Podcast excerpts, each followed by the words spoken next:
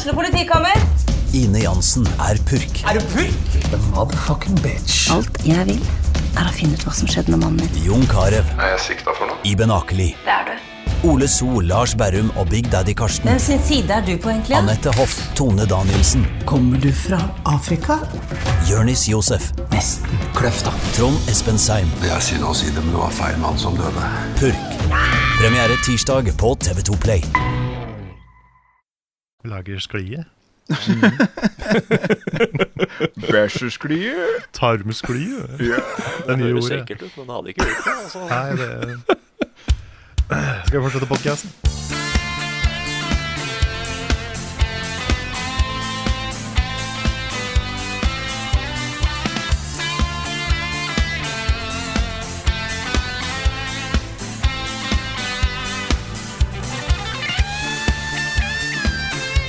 Og der ønsker vi hjertelig velkommen til en splitter ny episode av Level Backup, en podkast som ikke er utsatt til september, i motsetning til Starfield. Du kan høre på den akkurat nå, og det gjør Ja. du sannsynligvis når du hører min stemme gjennom høyttalerne eller eh, headsetet ditt. Og ikke bare min stemme, for du hører også Rune Fjell Olsen, Jan Martin Svendsen og Niklas Halvorsen. Hallo, folkens. Hallo. Hei, hei. Åssen går det? Jo. Jeg har hatt en skikkelig Nick-uke, ass. Oi. Vær en skikkelig nikkuke. Bare gode nyheter for Nick. Oh, Ja, alt er gult. Alt er gult. All, alt er gult, det var veldig stilig. Alt Eh, smaker urge. All, alt smaker urge. Eh, Jeg ble endelig ferdig med topplista mi. Det gjorde du. Det bra. Så det var good, times. Den siste filmen av, den nest siste filmen av Attack on Titan var dritbra, så det var skikkelig good times. Um, det var et event eh, for noen dager siden som heter The Dragon Ball Games Battle Hour. Som er en sånn turnering. Og på slutten der så var det en announcement at favorittspillet mitt, som er 15 år eh, gammelt, kommer til å få en oppfølger. Å, shit. Oi, oi, oi. Ja, det var eh, det var- Det var magisk. Godhand 2. Nei, ikke God Hand 2. Det hadde vært helt crazy. Nei, det- Returnal 2. Herregud, nei, så klart ikke. Det heter Dragon Ball Z. Tenka Tenkaishi heter det. Ah. Vi får det fjerde spillet nå. Oh my god, det er så gøy. Det er så gøy. Ja, ja, så klart du gjør det. Og eh, hele Twitter eksploderte. Det var kjempestilig. Nei, og så har jeg hatt en skikkelig morsom gaming session med et par andre her i podkasten. Har du på hvem du snakker om? Og så er jeg helt up to date. Ja, så er jeg helt up to date på The Last of Us. Det siste episoden her, ass. Ja. Det var eh, Det, det var som perfekt eksempel på hvordan, hvordan de lager innhold som ligger utrolig tett til spillet, men hvor de gjør noen nyanseforskjeller som bare eh, passer så utrolig mye bedre i TV-formatet. Så måten de hadde endra den klimaksscenen på, var bare nydelig, altså. Nydelig var den. Er det Det er siste episode nå neste uke, ikke sant? Stemmer. Åh, oh boy. Shit. Jeg håper den er litt lang, i hvert fall, for der er det mye som må skje. Altså. Jeg tror ikke den er så lang, nemlig. Å nei! Ja, ja, men vet du hva? Bare så lenge de får til slutten. Det er det viktigste her. Ja, Det er mye ground to cover i den siste episoden. Mm. Fra en som har sett eh, slutten, så kan jeg si at de, de lander. De lander med perfekt nedslag. Oh. Ok? 20 poeng i stil. ah, ok, greit. Verst.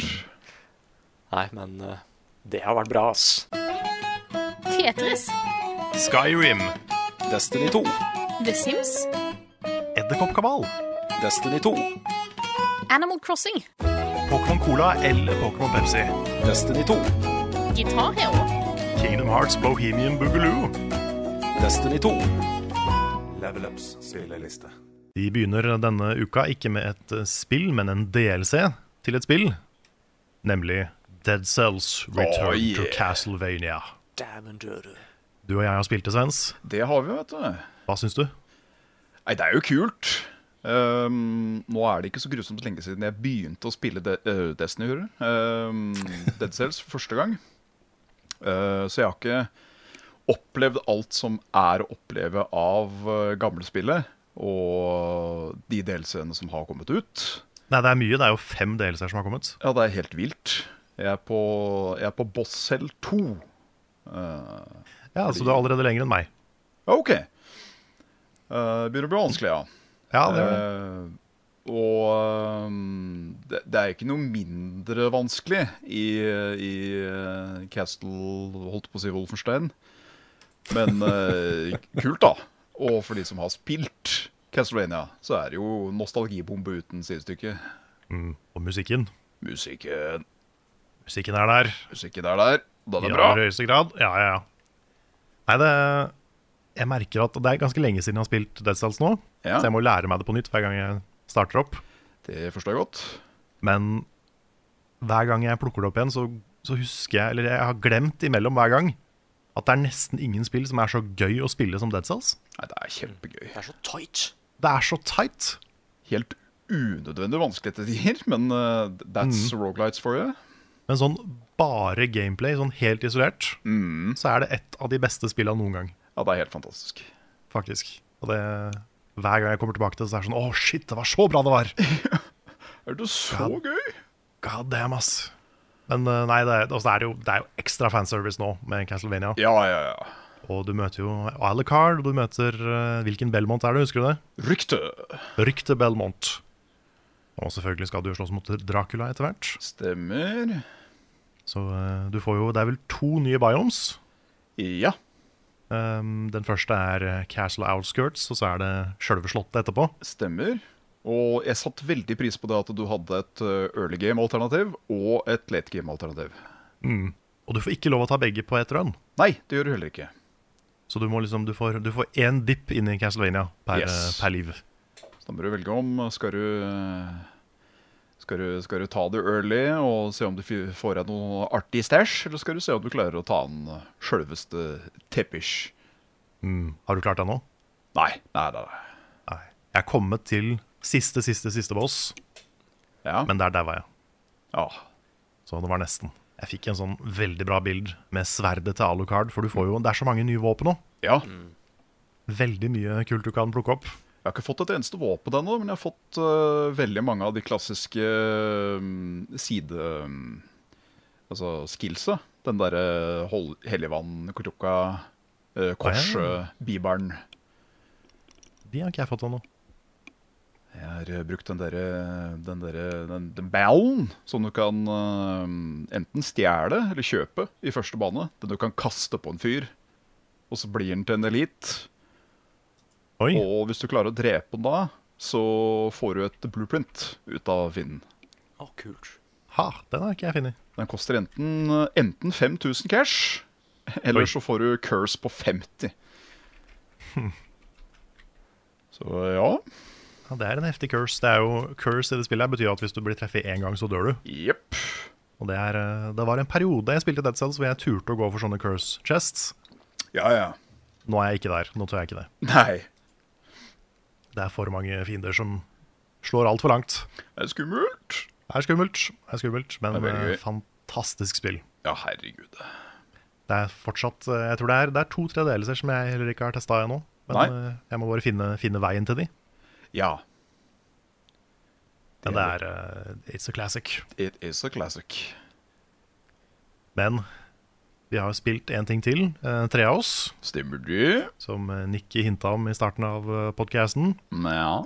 For vi har de, de bra barbarer rir igjen. De bra barbarer igjen. Vi har blitt de ha- harde hunters. Har vi landa på det?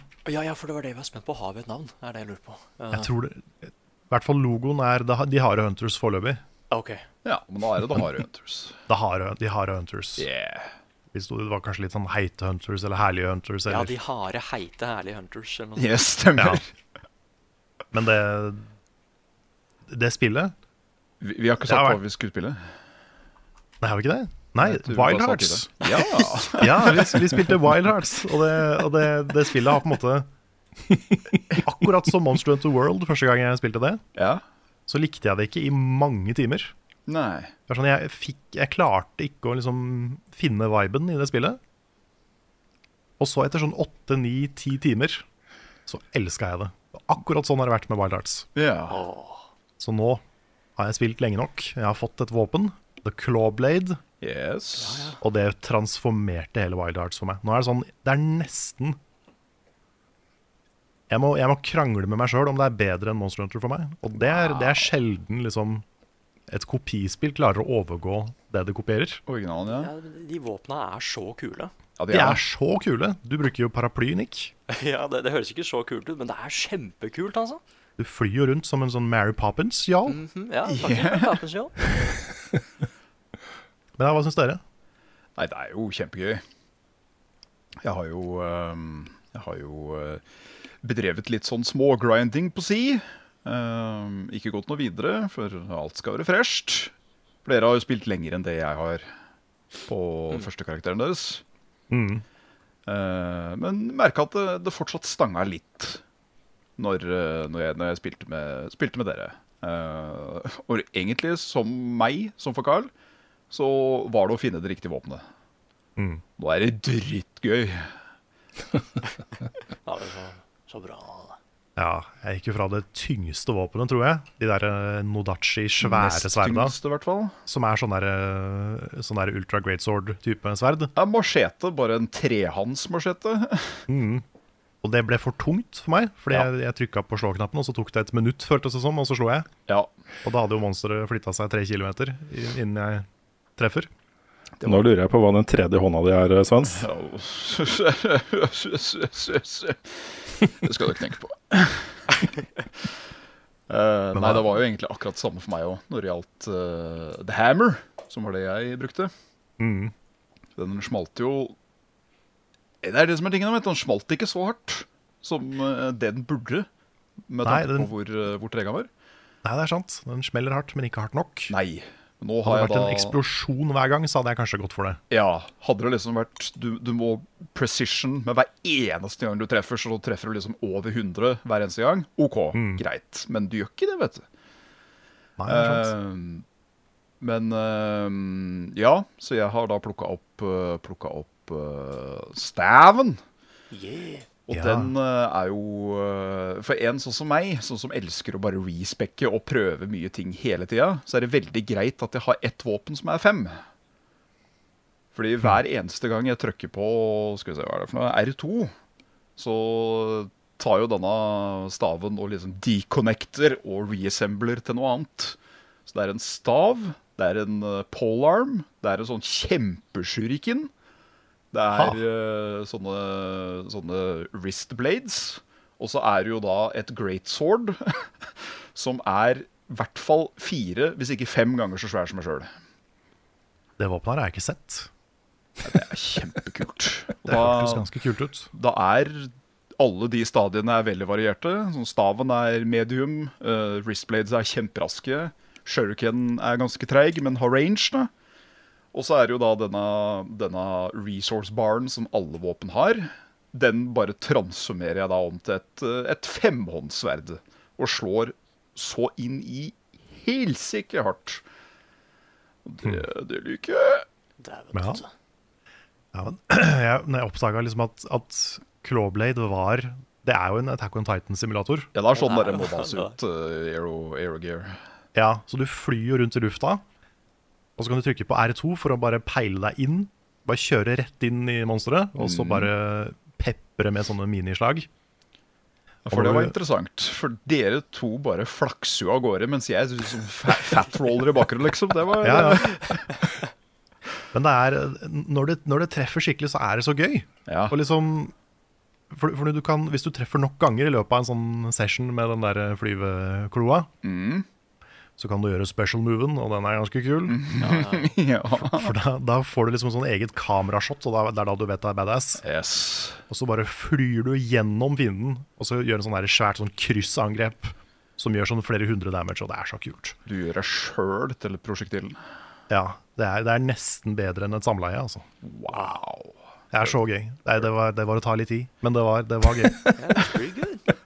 Pretty good. Og det er bare den der eh, jakten på det øyeblikket. Å klare å gjøre the special move. ikke sant? Det er blitt min nye drug. Ja, We vi, vi merket det. Så det var jeg, jeg gikk fra å være veldig lunka på Wild Arts til å elske det. Ja. men det er helt, helt, helt uh, der selv.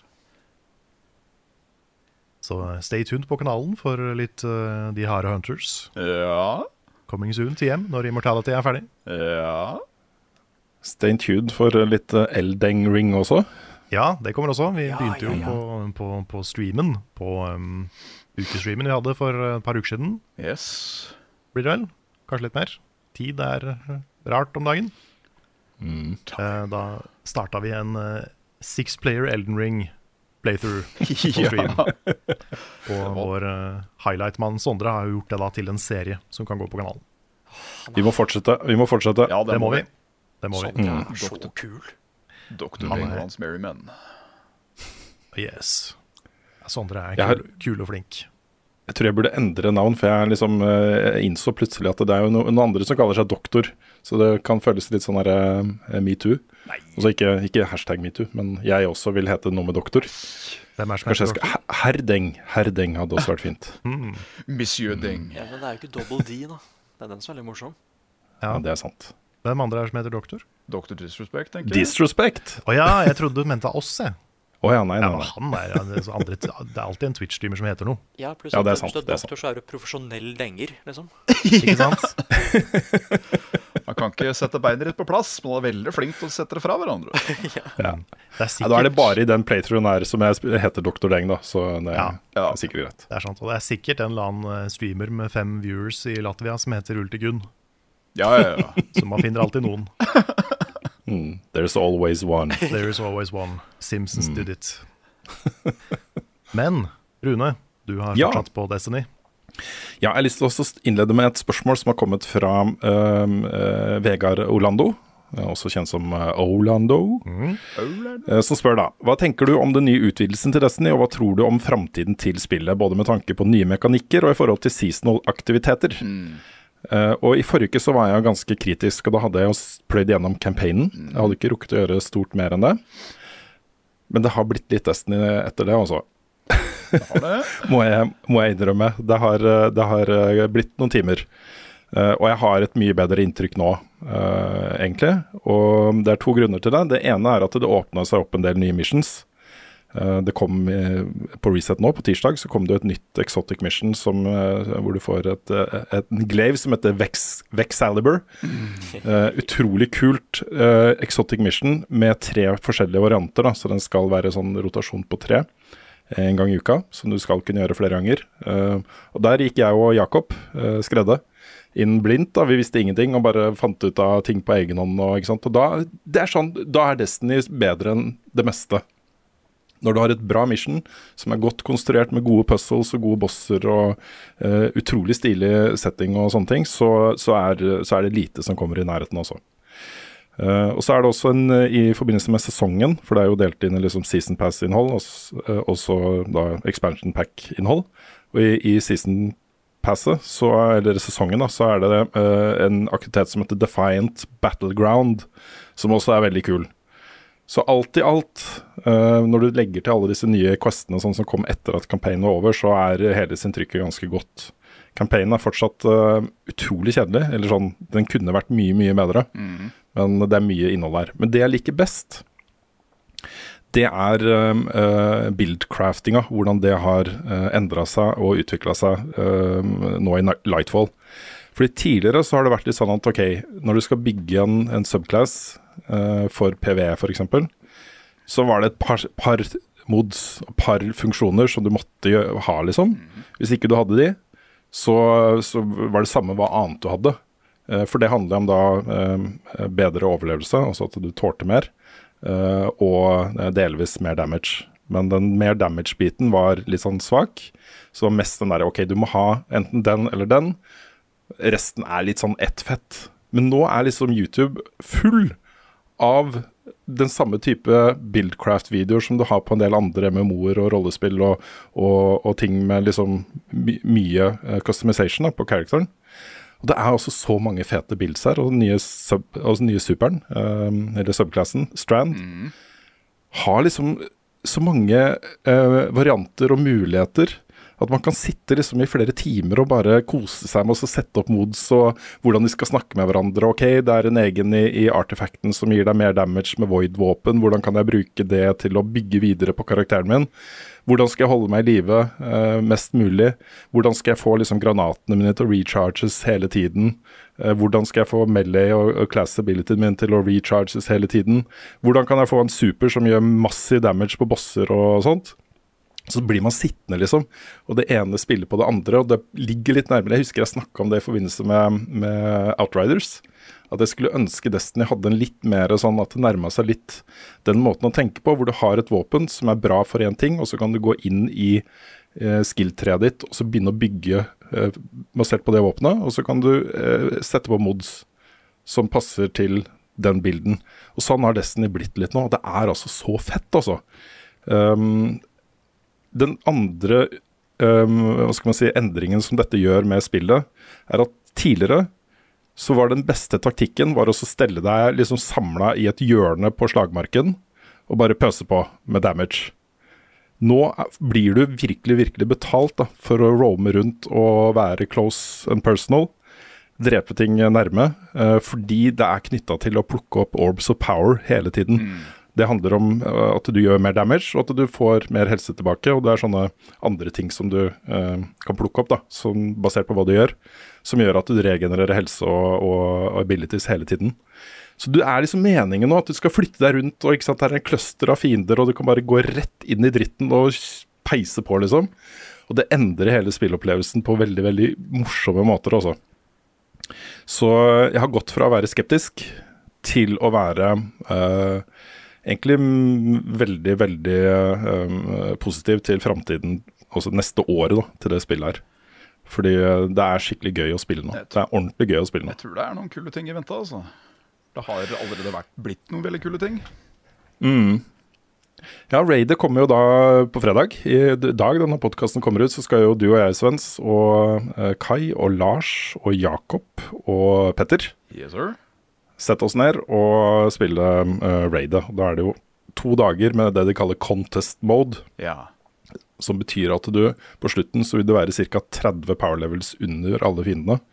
Det er beintøft. Det er ordentlig, ordentlig, ordentlig tøft. Jeg har ikke fullført en sånn day one raid uh, uh, før, for jeg syns det er Jeg syns det er tøft. blir- men, Det eh, blir mye. ja, men jeg gleder meg vilt til dette her også. Det er to døgn, 48 timer med uh, muligheter til å komme seg gjennom det raidet. Yes. Og jeg er dritspent. Det er en god gjeng, Så, da. hva, hva er det du håper på med raidet, Svens? Nei, jeg håper på at det blir noen veldig kule settinger. Uh, mm. Det har jo virkelig ingen av raida skuffa med så langt. At det er noen skikkelig sånne wow-øyeblikk. Mm. Uh, og selvfølgelig Jeg sier jo ikke nei takk til det kule ut. Jeg vil ha mer Strand-våpen, for uh, jeg har fullstendig forelska meg i Strand-klassen. I hvert fall på, Mm. på, på Titten, altså Titan. Um, nå kan du jo bruke skjoldet ditt offensivt. Det er jo, det er jo uhørt. Så nå, Mm. nå, nå er uh, Titan pluss Strand Det betyr all in or nothing, og det, det, det passer en råtass for meg. Ja, så kan du kombinere Det er masse uh, kinetic, også primary slot-våpen som har strand. Så kan du kombinere det med void-våpen i andre slots for, for volatile rounds og mer damage og de tingene. Det er en ganske kul, uh, kul kombo, altså. Deilig. Mm. Nei, jeg har hørt noen rykter om at det raidet skal være det lengste Destiny har, som Destiny har hatt det, til nå. Det er, mye- det er svært og mye, så jeg er uh, veldig spent også. Jeg skal anmelde det spillet for NRK, faktisk. Så det, den anmeldelsen kommer da etter at jeg har testa raidet en gang neste uke. Nice. Um, og så tar jeg opp litt video og sånt fra raidet og kanskje lager en egen uh, en video på det uh, til oss. Kult. For det er, uh, det er Ja, jeg håper det blir bra, altså. Jeg krysser alt jeg har av fingre. Hvis det raidet er bra, så, um, så er uh, Destiny på et bra sted. Har dere prøvd vann fra springen? Jeg har sett en ny TV-serie ja, nå, vet du. Dette albumet må dere høre. TV-spill er ganske stas. Det er en serie som foregår in space. YouTube.com er en kul nettside. Level Ups anbefaling. Det er eh, jeg som har anbefaling denne uka. Og um, vi har snakka om dette her før. Vi har nevnt det i podkasten og i spilluka. Men uh, nå kan jeg ha det som en formell anbefaling. Og det er Double Fine Psycho Odyssey. Ja, har du sett hele, eller? Ikke hele. Jeg har sett uh, noen Nei. episoder. Dette er jo en, en Jeg tror det er 20 episoder Ja, rundt der. Uh, rundt der. Som er eh, nesten en time lange, mange av de.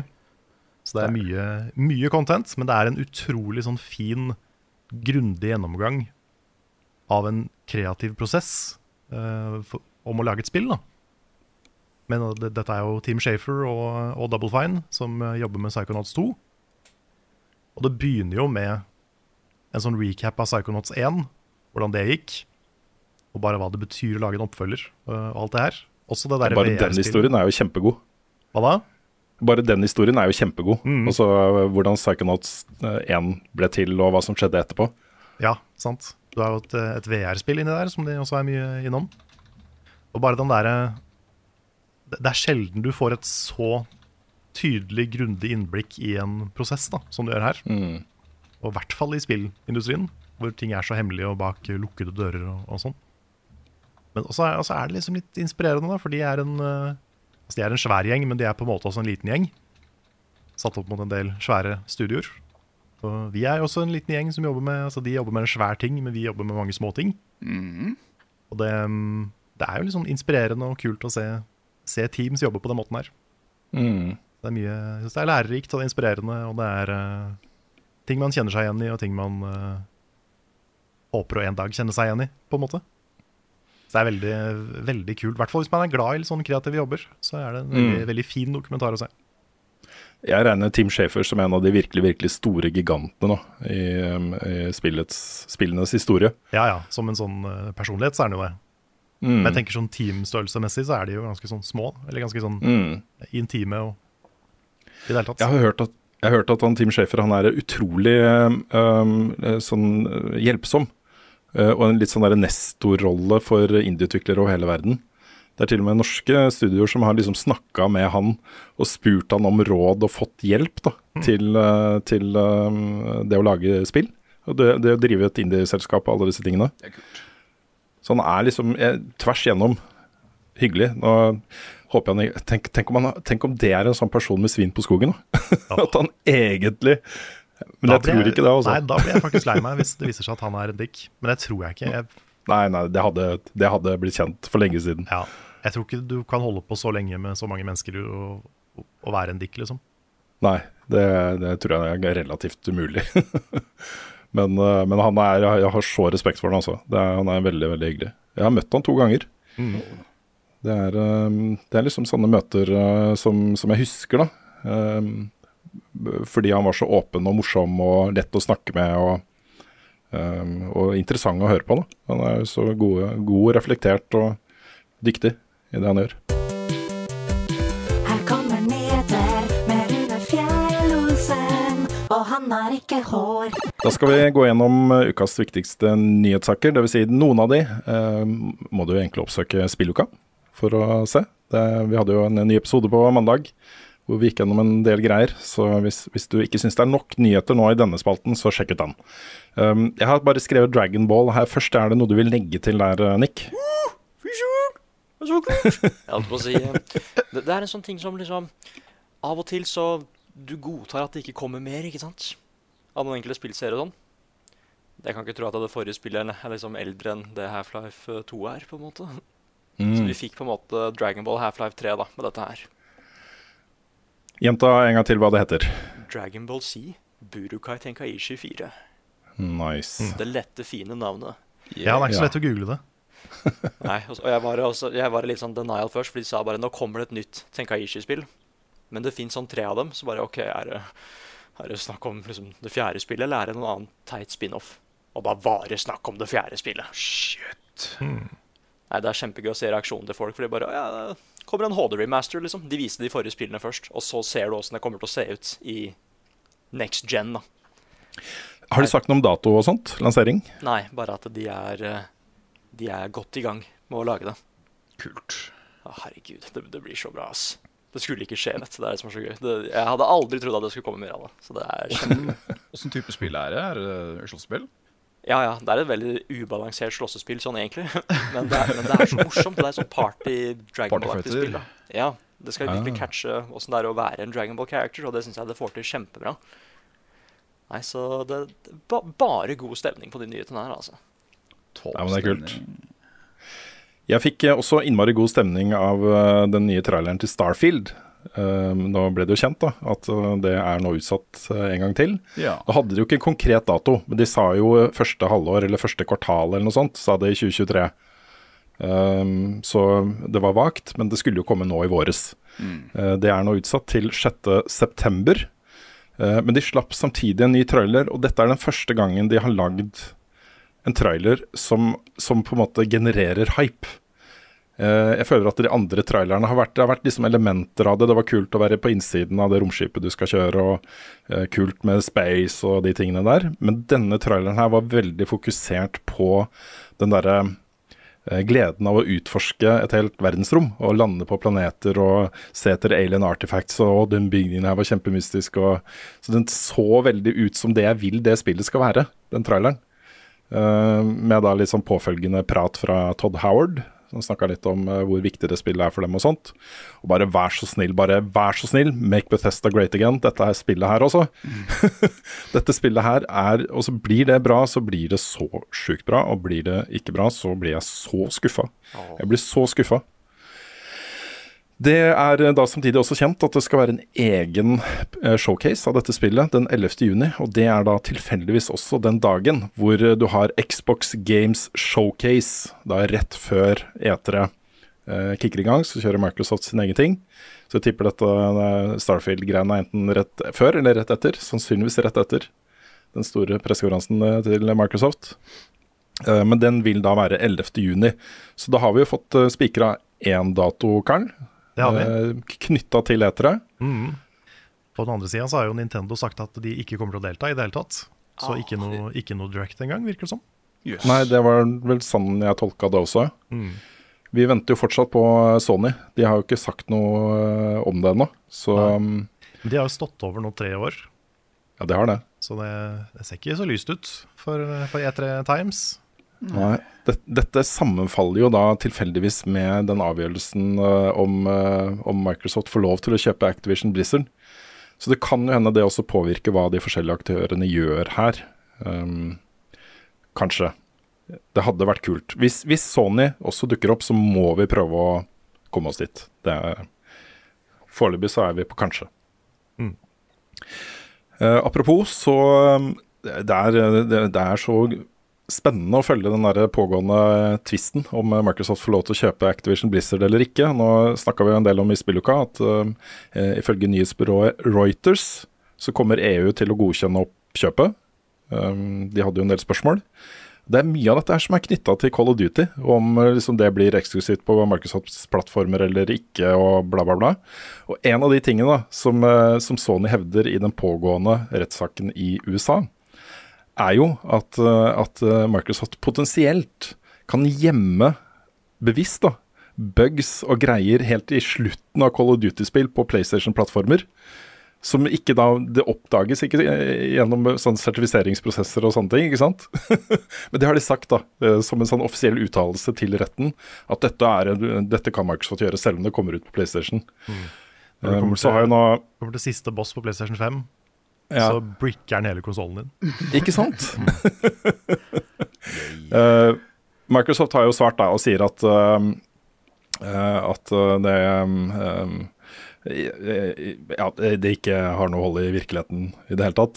Um, det er en ganske sånn komplisert uh, legal terms her, men de sier jo bare nei, det kommer ikke til å skje.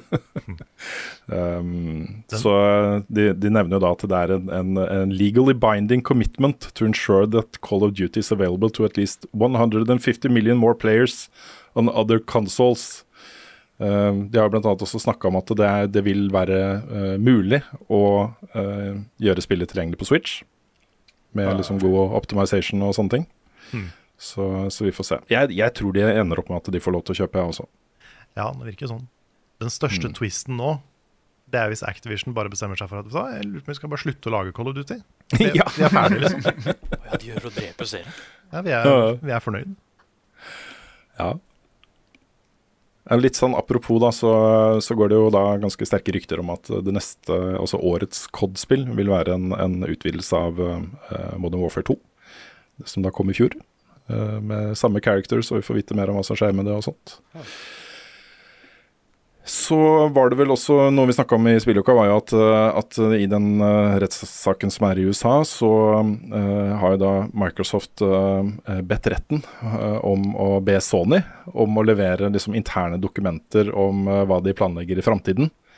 Og det har de nå fått rettens medhold i. Så retten har da bedt Sony om å levere da til de som jobber med denne saken i rettsvesenet, eh, en oversikt over eksklusivitetsavtaler eh, som de har med, med spill og spillutgivere. Eh, Pluss da liksom planer for lanseringer og sånne ting. Så Microsoft prøver jo å tegne et bilde av at, eh, at eh, selv med oppkjøpet så er Sony såpass sterke at eh, det ikke blir et monopol, da. Så det er mye spennende framover her, altså. Um, så en nyhet som eh, både er eh, veldig hyggelig, eh, den er også veldig overraskende, men også potensielt kanskje ikke helt liksom akkurat den gledesbomben som, som det kunne se ut som først. Uh, Wargroove får en oppfølger, Nick. Ja, jeg så det. Ja. Um, men det blir ikke utvikla av uh, Chucklefish. Nei. Det er et annet studio som heter Robotality, som skal lage det under eh, oppsyn av uh, originalutviklerne. Mm. Hva tror du? Nei, fordi jeg Det var sånn som bare Dæven døtte, enda mer Wargroove, si. Uh, jeg er jo så klart spent på det, for jeg likte det forrige kjempegodt. Mm, og det er jo veldig inspirert av Advance Wars. Det er der det kommer fra. Det stemmer. Uh, eneste jeg er litt usikker på, er at jeg syns det så veldig veldig likt ut. Så jeg håper de legger til noen par nye ting. Men det var også en Mhm. sånn fin overraskelse. Jeg håper bare ikke at et annet team ødelegger det som var så bra med det første. da. Det er jo alltid litt skummelt. Ja, De lover en uh, fullstendig ny uh, piratinspirert uh, campaign. Mhm. Med da tre forskjellige arcs som spinnes i hverandre. Yeah. Mm. Nei, så det, det er, jeg får det og liksom Advance Wars kanskje i år òg, ikke sant? Det er ganske nice. Det er ikke verst. Er Ja, du, nice. du spiser bra om dagen. Ja. Mm. Nice to be Nick. Mm. Ja, li- Litt sånn apropos akkurat det, så, så kommer jo da Metroid Fusion på um, den classic-greia på Switch neste uke. Oi. Stemmer det. Så, så det, blir, uh, det blir gøy. Kommer Så bare få ut? Met Hmm? Kommer det flere spill da, eller bare Metroid? jeg, bare, jeg, jeg brød meg ikke om noe annet, så jeg husker ikke. Nintendo er, uh, er Metroid-fabrikken uh, for meg. Det er, det, de, det, er, det er de som lager Metroid. Mm. Så er det, sånn, det er noe greie med en sånn der fyr med sånn grønn hatt. Ja, ja, ja. Har ikke vært så, er ikke så opptatt av det. Nei, ikke i det hele tatt. um, Discord er nå på PlayStation 5. Det kom jo på Xbox uh, i fjor. Nå er det også på PlayStation 5. Uh, det kom sammen med en update som også gir uh, eh, sånn variabel eh, um, oppløsning på bildet, basert på hvilken skjerm du har. Og det, det kom jo også i fjor, men nå er det lagt i flere skjermer. Da. Så hvis du sitter på en 2K-monitor, som jeg gjør, ofte med en PlayStation 5 kobla til, så vil den eh, automatisk da kunne stille inn til 1440P. Eh, det var jo et stort savn i starten, for da måtte jeg faktisk, hvis jeg skulle spille rett på, eh, på PC-monitor, så måtte jeg velge 1080P. Kunne ikke spille for en, det er jo ikke en 4K-skjerm. Så, så det var bra. Men Discord er også inkludert. Jeg har uh, testa det ut. Dvs. Si jeg spilte med Lars i går, som satt og prata via Discord på PlayStation 5. Da var, nå det muligens mikken til Lars det var noe problem med, da, for den var litt sånn sprakete lyd. Men eh, Ja, jeg tror Lars har et problem med at eh, mikken hans uh, kiler den i skjegget. Oh, ja. Og det hører man på Discord. Ok, greit. Jeg skal snakke litt med Lars om det. Men det er veldig kult at det er eh, en del nå både av Xbox og PlayStation. For det knytter jo de to eh, spillmiljøene tettere sammen. Og i spill hvor det er crossplay, så er det helt overlegent. Da slipper du å sitte med enten mobiltelefonen og to headsets og tjohei. Du, du må nesten ha en sånn preamp-sak, hvor du kjører flere lydsignaler for å kunne gjøre det på en behagelig måte. Mm. Så det er veldig bra. Og så kommer det også da, eh, til slutt, nevner jeg, eh, Cities Skylines 2 kommer senere år på PC, PlayStation 5 og Xbox Series X og S. Dette kan Frida lage rundkjøringer, vet du. Ja, rundkjøring. Ja, ikke sant? Du kan rundkjøre så mye du vil. Ja, ja.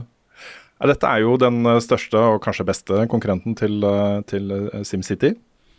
Um, det har jo hatt et veldig spennende og godt liv eh, siden det ble lansert. Det har blitt brukt utrolig mye av, eh, av da Sim-bygge-fans. det har blitt veldig populært. Så dette var en eh, hyggelig nyhet. Hva er hennes best, hvor var fredag sist? Har Carl egentlig sopp? Ukens spørsmål. Som alltid så har vi fått inn masse spennende spørsmål fra dere som hører på. Mhm. Du kan få lov å begynne i dag, Rune. Ja, jeg tar et spørsmål fra Trond Moum Gulbrandsen, som har sendt inn spørsmål på Patreon-siden vår. eh, som spør da i hvilken grad blir dere farget av hverandres meninger om spill? Dere jobber jo tett sammen, så det hadde ikke vært så unaturlig. Det hadde vært interessant å høre hva deres tanker er rundt det. Og nå er det jo Jeg, jeg syns dette er litt interessant, for hvis du eh, følger forskjellige typer spillredaksjoner og spillmiljøer, så er det ofte noen spill som på en måte alle i den redaksjonen eller den, det miljøet eh, liker. Og det kan variere fra sted til sted. Uh, vi har jo From Software. Det er, det, det er nesten en, et krav for å kunne snakke med oss. Må være at du har et eller annet å si om From Software. Da jeg var på Tinder, så var det første spørsmål sånn, eh, Ja, ikke sant? har, du, har du spilt Bloodborne? Ja. hva, hva, hvilke, hvilke From Software-spill liker du best? Ranger det fra én til seks. Um, men det er jo, jeg, altså jeg mener jo helt seriøst at det er fordi de spillene er dritbra. Og når du har et par stykker i redaksjonen som snakker så varmt om det som de gjør her, og det sprer seg til resten på den måten de gjør, så er det jo fordi også andre oppdager at det er bra. Uh, og jeg vet det er andre redaksjoner i Norge som er veldig negative til From Software-spill. Uh, men der er jo litt den holdningen at, uh, at kanskje et par av de kommer et stykke uti det og sliter og syns ikke det er noe gøy og får det ikke helt til. og og sånt. Nå får jeg sikkert masse pepper for akkurat dette her. men eh, men eh, da, da sprer det seg ikke på samme måte, ikke sant. Da vil jo ikke resten.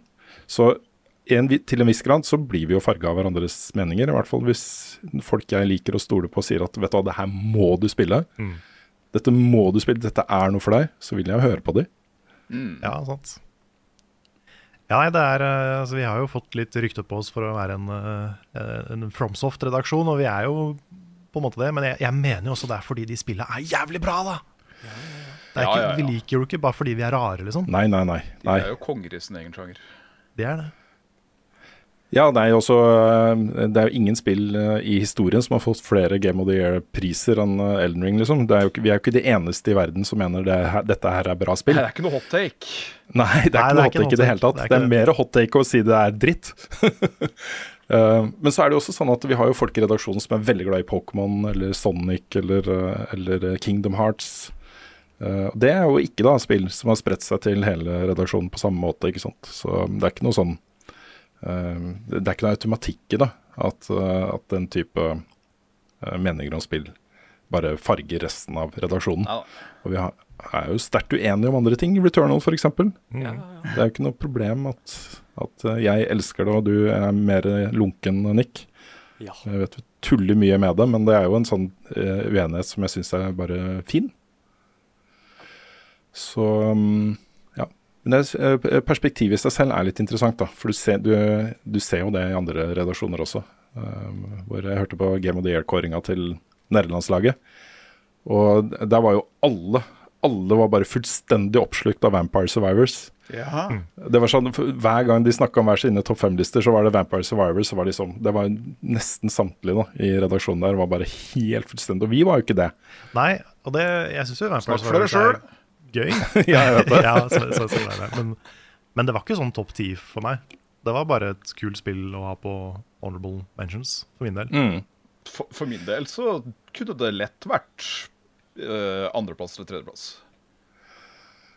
Jeg så jo også Vampire Survivors var en av de som endte opp å bli eh, blant de hoveddominerte til Game of the Year-kåringa til Dice, som den, den store spillutviklergreia. Så det er jo helt åpenbart et spill med den type kvaliteter også. Um, så, men jeg bare nevner det som et eksempel på Mm, ja. hvordan på en måte enkeltspill og enkeltutgivere eller, eller utviklere uh, kanskje er liksom ekstra populære uh, hos flere i en redaksjon. Mm. Det, det, er en, det er en litt sånn interessant mekanikk. Men jeg tror det er mye fordi vi snakker mye sammen også, og har Ja. respekt for hverandre. Og, Vi er mennesker, på en måte, og det er sånn Mm. mennesker fungerer. ja. We're just Men vi- normal men. We're just normal men, men vi, vi, vi snakker vi, vi, vi er jo forsiktige når vi spiller noen som ikke har eh, blitt anmeldt ennå, f.eks., og ikke liksom snakker for mye på forhånd. Ikke blir farga for mye av hverandre. At vi bare bare prøver å gjøre opp vår egen mening først. Ja, Det er interessant hver gang det har skjedd. For det har jo blitt en del tilfeller hvor for to av oss da sitter og spiller det samme spillet, og én skal anmelde for, eh, for NRK, og én skal anmelde for oss. Så blir vi liksom sittende sånn eh, Så tvungen eh, personlig embargo, liksom. det er ingen som snakker om opplevelsen før man har gjort seg opp sin egen mening. ikke sant? Det, det er en veldig sånn spesiell og rar situasjon. Men det er veldig gøy, da. Veldig gøy å være sånn. Og endelig liksom OK, nå vet jeg hva jeg skal Jeg har bestemt meg for score, ikke sant. Dette syns jeg om det spillet. Nå kan jeg snakke med Carl! Ja. og så bare er det flod, uh, floodgates åpner og bare blablabla. Yes. Det er veldig gøy. Yes. Skal vi ta et eh, spørsmål til? Ja, kan jeg ta et her fra Espen Freys Jodnes. Som jeg, vi trenger kanskje ikke å ha sånn kjempelang diskusjon på det, men jeg syns det er verdt å, å ta det opp allikevel. Mm. For jeg tror dette er sånne ting som mange nok lurer på. Uh, han skriver da på Patron litt konstruktiv kritikk fra en som har fulgt dere siden før Carl begynte i Level Up. Um, forsøkte å spørre før, men føler dere unngår spørsmålet. Uh, men har dere hoppet på boikott-trenden vedrørende Atomic Hearts? Um, og det dette gjelder, er jo da et uh, spill fra et russisk studio. Som da det ble vist fram første gang, jeg tror det er et par år siden, så fremsto det som en sånn herlig weird, eh, litt sånn Half-Life 2-inspirert um, science fiction, Uh, postapokalyptisk uh, Twin Peaks-aktig greie, liksom. altså Det var så mye weirdness og rare roboter og kule settinger og sånne ting. Ja, det var det- vel opptil flere penner kasta på det da det ble Ja, vist. ja, ja. Absolutt. Så dette er jo sånn helt uavhengig av det som, er, som nå skjer i Ukraina, er jo et spill vi har fulgt og snakket om før. Eh, og nå har det vært litt tyst, så jeg skjønner at han spør det spørsmålet. Um, nå er det jo sånn at vi um, har ikke tatt noen lang intern diskusjon på om vi, hva vi skal gjøre med det spillet. Um, det eh, burde vi kanskje ha gjort. Eh, men akkurat da det ble lansert, så satt alle opptatt med hver sine greier. Og så ikke bare litt opptatt, men veldig opptatt med hver sine greier. Og det var en, en, en sånn derre Vi hadde så mye å gjøre at, at det bare kom plutselig. Uh, og da Min personlige uh, greie på det, for jeg satt og fulgte litt med da, på lanseringen, var at hvis det viste seg at dette her spillet ble veldig godt tatt imot, alle uh, anmeldelser som kom av det, og brukeranmeldelser og sånt, var utrolig positive, så måtte vi tatt den diskusjonen. Eh, men i og med at det har fått såpass blanda mottakelse, alt fra veldig lav score til da noen som syns det er ganske bra, og noen til og med som syns det er kjempebra, eh, så eh, føltes det ikke som et spill som som var utrolig viktig å få med seg for oss, da. Um, og det er litt dårlig gjort. Det kan hende at en anmelder hos oss hadde likt det sykt bra. Eh, men det kan også hende at en anmelder oss hadde likt det sykt dårlig. så det er ikke noe Jeg vet ikke helt hva som hadde eh, blitt en score da, på en sånn anmeldelse. Men det gjorde jo da at vi eh, vurderte å bare vurderte sånn at vi går bare videre til de andre spillene som kommer ut nå, og det kommer så mange av de.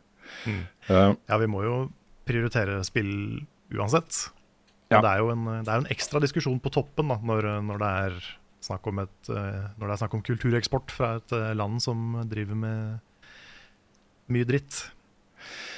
Ja, fordi dette er en eh, Jeg vet det er mange som mener at, at eh, spill liksom er en, en boble for seg selv, og at eh, man ikke trenger å ta den type vurderinger rundt dette her i det hele tatt. Og jeg har også uh, veldig respekt for og, og syns det er kjipt, da, hvis det nå er snakk om at dette teamet her, uh, som jo da er primært russiske, hvis de er sterkt mot det som skjer i Ukraina, og krigen i Ukraina, og, og inni seg da, kritiske til Russland, så er jo dette herregud for en kjip situasjon å være i. Her har du sittet og jobba i årevis med et spill, og det har blitt uh, snakka masse om, og de har gleda seg til å lansere det, og så skjer den dritten her, liksom. Så det, er jo dritsynd på de, hvis det er sånn.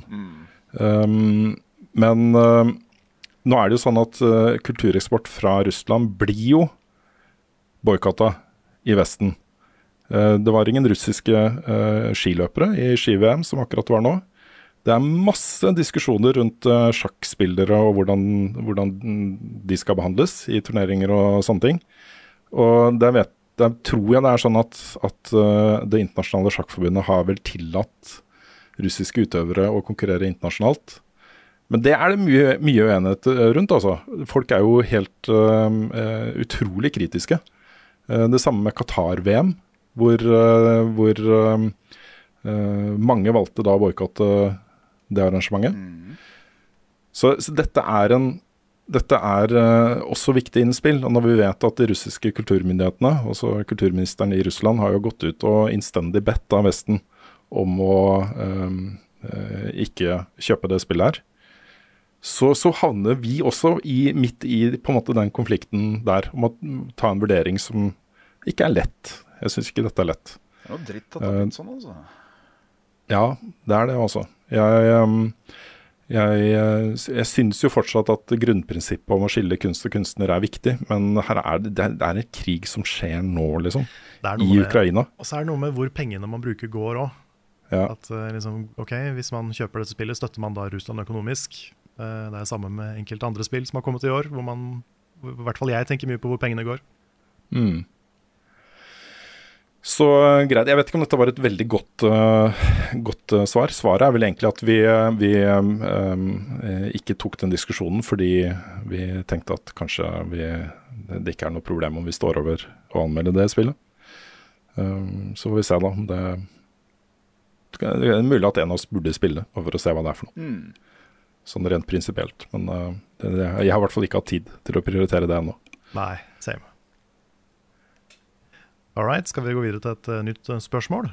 Ja, jeg vil bare nevne, da, siden det var Espen som tok opp det spørsmålet her, at han liker det veldig godt. Han gir det en solid åtte av ti. Ja. ja, det er ja. en god score. Mm. Da tar jeg et spørsmål her fra Norton Jonasson, som spør har dere forslag til noe laidback-spill som det går an å synke nedi og koble av med. Hmm. Ja. Laidback? Mange, egentlig. Men uh, nevnte jo Vampire Survivors for bare litt siden. Oh.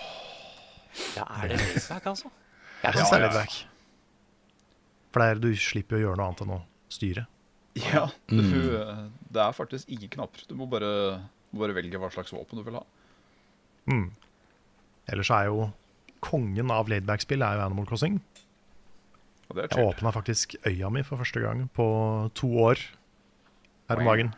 Det var mye ugress. Det var mye ugress, og det var kakerlakker på rommet. Og det var, oh, nei. det var ikke bra. Så ut som en uteligger når jeg kom ut døra. Så jeg måtte, måtte ordne litt. Men de lever fortsatt. Da. De har ikke, de ikke flytta eller dødd eller noe sånt. Hmm. He will return. Jeg trodde du snakka om kakerlakkene et lite øyeblikk. Ja, de er døde. De, de tok jeg. Ja, ok, nice. Laidback, altså Svinga i Spiderman. ja, men det er litt zen, det.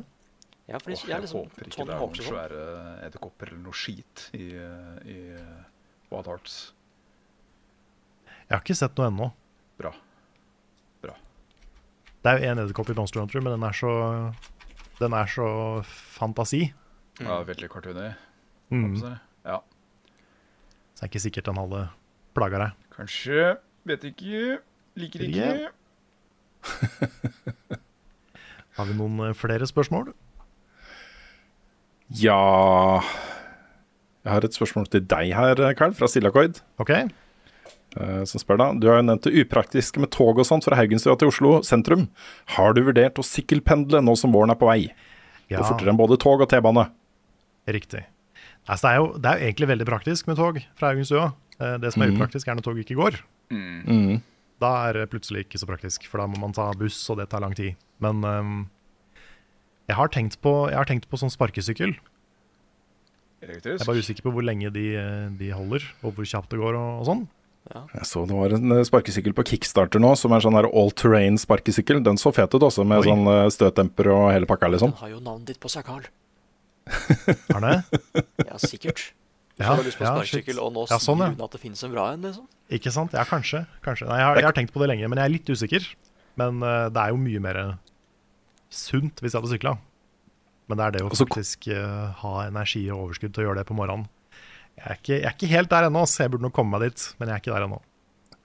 Kona har jo blitt sånn elsykkelentusiast. Mm. Uh, hun driver jo sykler til jobb på Helsfyr, og det er jo godt, et godt stykke, da. Jeg vet ikke om det er like langt fra, herfra til, til Helsfyr som det er fra Haugenstua til sentrum. Det er sannsynligvis litt lengre til Haugenstua. Men uh, hun sykler uh, egentlig fra det er sånn delvis bart på veiene, til, uh, til, det begynner å bli is og sånn igjen. Det er en veldig hun, hun liker det veldig godt. da. Hun var litt sånn i starten ok, det blåste litt mye, kanskje var litt kaldt og sånt, men hun har blitt veldig glad i det. Og hun har sånn rute, ikke sant. og Det er en veldig fin måte å komme seg rundt i byen på. Og Det finnes jo så utrolig mange kule elsykler, Karl. I hvert fall du, da, som ikke trenger å tenke på at det skal sitte to barn på den og sånt også. Mhm.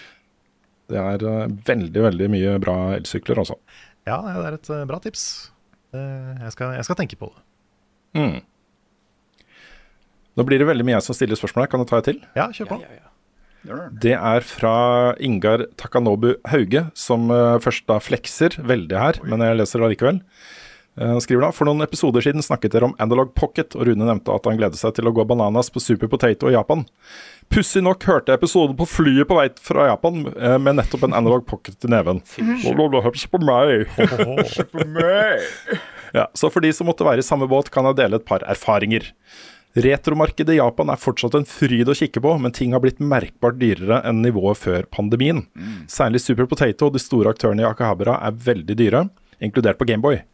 Noen tips til de som vil handle Gameboy-godis i Japan er kjøp gjerne enkeltkassetter istedenfor komplette utgaver, og sammenlign priser mellom butikker, hvis du kan, f.eks. på bruktkjeden Bookoff, som til tross for navnet har mye spill også. Det er også lurt å handle utenfor Akihabara, f.eks. i bydelen Nakano, vest for Shinjuku, eller på retromarkedet i andre byer, som Denden Town i Osaka. Um, greit, så var det spørsmålet. Han har et spørsmål også, men det var veldig bra tips. Det er sånn jeg, Vi planlegger nå en Japan-tur, kanskje til jul. At vi tar en juleferie i, i Japan. Um, men spørsmålet hans er da hvilke håndholdte spill er redaksjonens favoritter? Mm. For å gjøre spørsmålet mer interessant teller vi ikke med spill til Switch eller Steamdeck. Okay. Ok. Jeg kan begynne Metroid Zero Mission. Ja, Mother 3 er nok på toppen av min. Men uh, jeg er veldig glad i Pokémon-spill på handhelds. Ja, ja, ja. Alltid vært det. Jeg har alltid vært søker for uh, good old Pokéman. Ja, det er på en måte alltid vært det perfekte handheld-spillet. Har det. Pokémon Ruby. Det er perfekt Sa du Pokémon Ruby, var det du sa? Ja, Nick? ja, Pokémon Ruby. Kult. Men det perfekte håndholdsspillet er jo egentlig da fasiten på det er egentlig Tetris. Ja. Egentlig. Ja, det er nok det jeg har spilt mest. Det originale, liksom. Ja, på Gameboy. Mm. Første Gameboyen. Mm. Det er det jeg har brukt mest tid på. Det er Bra. Det er bra. Det er ikke Pokémon. Nei, eller Fire Emblem. bare. Du kan ikke fange Tetris-blokkene. Tetris, Kan, liksom. kan ikke bruke dem i fights. De, de Super Mario RPG-spillene òg. De um, Ja. Uh, Nå husker jeg jo faktisk ikke de titlene på noen av dem. Mario and Luigi, Superstar Saga for Yes. eksempel. Stemmer. Det er uh, lekebirsken. Jeg syns ikke Ja, det er dritbra. Paper Mario-spillene på håndholdt har ikke vært så bra. Nei. Men, uh, men Mario Luigi er bra. Mm. Apropos Jeg har ett spørsmål til jeg har lyst til å stille. Uh, jeg beklager at jeg tar all tiden her, men bra. dere får muligheten straks. Det er et spørsmål fra Vegard Kvaran, på, som han stilte på Discord-serveren vår. Um, han spør da Hvor ofte satt jeg, da, Rune, og irriterte seg over at Nick ikke spurte tilbake til starten av klippene i Mortality? Og Svaret på det er jo egentlig hver gang. Men det var greit. Det var Niks måte å spille det på. Det var, jeg aksepterte det. Altså. Gjorde, jeg- gjorde jeg ikke det nesten hver gang? da? Da, det Det var ikke starten. Nei. Nei, du, du ble flinkere til det etter hvert. Men det er også noen klipp som du gjorde det, men som ikke er med i serien. Fordi noen steder måtte vi prøve å kutte litt ned. Ah, ja. Mm. Så det var i så fall hvis ikke vi fant noe spennende. da. Ja. Så du, du gjorde det mer enn det kanskje ser ut som i serien. Det er litt filmtriks, men ehm, Vet du hva, når jeg tenker meg litt om, Nå fikk jeg faktisk flashback til alle de derre Å ja, faen! det var noen av de. Ja, derfor, Grunnen til at det irriterte meg, var at det tok meg, det tok meg liksom to klipp å skjønne at, uh, at hvis jeg vil se hele det klippet her, så må jeg spole til starten. Og så gjorde jeg det på absolutt alle klippene jeg så. det var det første jeg gjorde når jeg kom inn på nytt klipp, var å spole til starten, sånn at jeg kunne få sett hele klippet uh, første gang. Så slapp jeg da å komme til Å, var det her jeg stod på uh, sist, liksom? Eller var det her jeg starta sist? Og så, ikke sant? Da så jeg hele klippet med en gang. Det var også den som kicka inn. Ja, det ble litt OCD av det. Altså. Ja. Det gjorde det. Jeg jeg syns det var litt kult, med liksom at eh, vi, vi trykka på liksom bildet av katten, og så bare neste scene så er det hun som lader som at henne klapper, og da ble jeg litt sånn OK, hva er konteksten her? ja. Jeg, jeg ble, jeg ble liksom fanga inn i øyeblikket, ikke sant? For jeg fikk den derre Å ja, Mm. fader, vi må spole tilbake òg, ja, for å se alt. Men det er ingen riktig eller feil måte å spille det spillet på. Så det var derfor jeg klarte å akseptere det, og ikke klage over det hele tiden. Kan jeg ta et eh, spørsmål fra Discord her? Dørneren. Mhm. Dette kunne vi snakka lenge om. Jeg skal prøve ikke å snakke for lenge om det. Ja. Men det er eh, fra Nettokun, som eh, nevner eh, intervjuet med Naoki Yoshida, der hvor han snakker om begrepet JRPG. Ja. Og skal vi se, selve spørsmålet Jeg husker selv ikke detaljene fra de gangene hvor dere snakker smått og kort om begrepet og definisjonen av JRPG. Hva er deres omtrentlige definisjoner? Hva er J-en i JRPG? Må det f.eks. være at spillet har japansk utvikler, med den typen tegnegrafikkstil, med den type kampsystem, med den type narrativstil, eh, personlighetstrekk osv. osv. Kjenner dere eh, selv igjen i noe av det Yoshida uttrykket i intervjuet? Dette er jo eh, Han sier jo at han, han opplever begrepet JRPG som litt sånn reductive og på grensen til eh, diskriminerende, egentlig. Eh, jeg har jo brukt det begrepet mye i level up-sammenheng. Det har vært en, en måte å beskrive rollespill som kom fra Japan på, for meg. Ja.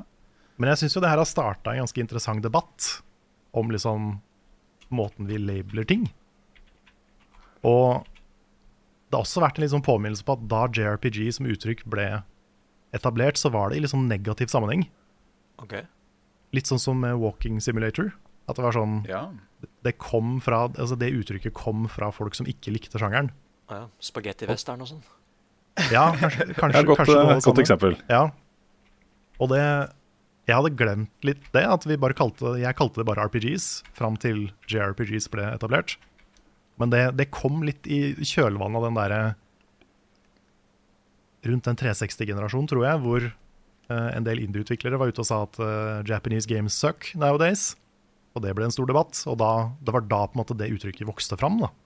Mm. Så jeg skjønner litt hvor, han, hvor Yoshi P kommer fra når han sier at han ser på det som et negativt lada uttrykk. Mm. Og så er det jo også dette med Sorry, nå prater jeg mye. Hvis dere Nei, kjør på. vil inn med noe? Nei, nei, nei, nei, nei. Jeg, har- jeg, bare fortsett. Ja. Nei, for det er jo Altså, spillsjangre er jo en De er jo løst definerte til å begynne med. Det er jo Mm. all over the place. Rogelike er liksom Det er ingenting som er en rogelike, alt er en rogelight. Mm. Så trenger vi da to begreper, f.eks. Uh, men det Nettokun skriver her, da, er at uh, ting som kan defineres eller ikke defineres som JRPG, er jo liksom Dragon Quest, Monster Hunter, Final Fantasy, Elden Ring, Fire Emblem, Castlevania. Det er veldig mange veldig forskjellige typer spill Mm. som går Som enten blir plassert eller ikke blir plassert i den, i den boksen. da Mm. Så jeg har begynt å tenke etter den debatten som har vært nå, at kanskje det er på tide å pensjonere det uttrykket. Bare prøve å finne noe bedre. Ja, vi kan nok egentlig bare kalle alt rollespill. Eh, Ja, i er hvert fall liksom- Hvis man skal definere det mer, så kan man si turbasert rollespill. Man kan si uh, action-rollespill, man kan si taktisk rollespill. Mm. Men det er jo um, også JRPG um, eksemplifiserte jo en retning da, innenfor rollespill som jeg syns fortsatt er litt legitim. Uh, og det er jo at veldig mange av disse spillene, og de fleste, de som gjorde at det begrepet ble coina, de lå jo ganske nærme anime i, i eh, visuell stil.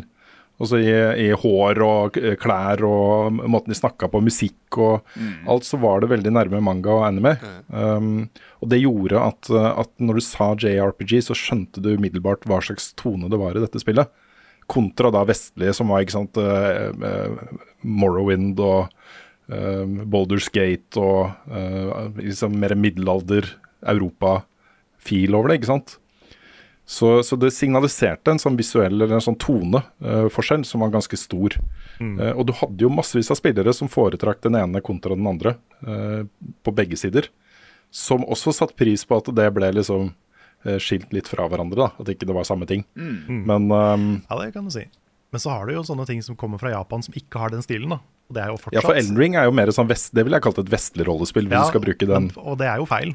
Det er jo feil. Så det er, også I Norge så har det blitt utvikla spill som under alle definisjoner er JRPGs. Så det er sant, det. Så det er jo en utrolig rar måte å dele inn sjangre på i utgangspunktet. Mm. Nei, men la oss nå kalle det i hvert fall eh, Ikke bruke det begrepet mer. Jeg, jeg, det har ikke noe å si, egentlig. I hvert fall ikke for vi viser video, så ser du om det et, har den visuelle stilen eller ikke. Mm. så Ja, det er, det er litt som den der debatten om hvor, hvor anime er det. Og det er sånn, ja, Hvor regner med det mer riktig debatt, kanskje? ja, Men der også har du en diskusjon med liksom, I Japan så er jo all animasjon anime. Ja. Vi Mm. kaller japansk animasjon anime fordi det er noe vi ser på det som noe annet. Er, det, er det riktig å se på? Det er så mange, det er så mange ting. Hva med Persona, for eksempel? Det er, det er jo sånn som går hardt under definisjonen JRPG Mm. til nå. Ja. Men, um, men ja, det er, det er vanskelig å definere disse spillene. Mm. Men, ja, Alt blir jo rollespill da, før eller senere, så eh, Ja. Det gjør jo det. mm. Yes. Er det en tid for å runde av der? Ja, jeg tror ikke jeg har så Det er- tid, dessverre. Men da runder Nei, vi av her. da runder vi av her. Ja, dette har vært en podcast utgitt av moderne media. Låten i introen og outroen er skrevet og komponert av Ole Sonny Larsen. Nei, Og, skrevet, skrevet av. ja, men det er også komponert. Ja, altså Ikke den versjonen du hører her. Nei, Den jo men originalen er komponert. ja, den er, Det er sant. Det er, det er helt riktig. Det er riktig. Ja. Og så er den orkestrert og framført av Kyosho Orchestra. Ja. Riktig. Arrangert. Og arrangert. Arrangert, orkestrert. Ja. Jeg vet ikke hvorfor ordet 'arrangert' ikke får plass i hodet mitt, men det gjør ikke det. Jeg vet ikke. Det er litt rart. Men, Mm. eh, men ja, vignetten er lagd av fantastiske Martin Herfjord. Oh yes. Du finner alt eh, innholdet vårt på youtube.com slash levelupnord. Du kan backe oss på Patreon på patreon.com slash levelupnorge. Vi streamer på twitch.tv slash levelupnord. Vært mye streaming i det siste. Mm. Spesielt den intense uka vi hadde for eh, litt siden, hvor vi streama i sju timer i sju dager. Herregud. Ja. Sju lange og sju breie. Sju lange og sju breie, altså. Du kan også finne merch på levelupnorge.myspreadshop.no. Mm. Og i tillegg så har vi en discord, som er discord.gg slash levelupnorge. Eller Nord Norge. Nei, Norge. Norge. Norge. Og med det så takker vi for eh, denne gang. Takk for at du hørte på denne podcasten av Level Backup, og så ses vi igjen neste uke.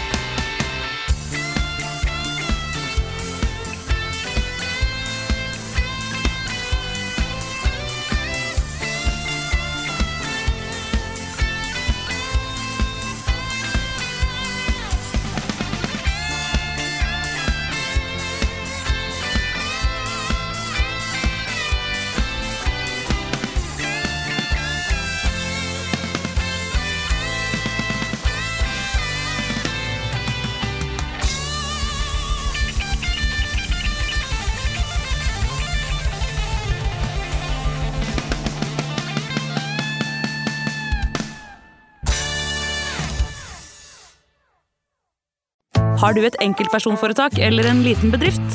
Da er du sikkert lei av å høre meg snakke om hvor enkelt det er med kvitteringer og bilag i fiken, så vi eh, gir oss her, vi. Fordi vi liker enkelt. Fiken superenkelt regnskap.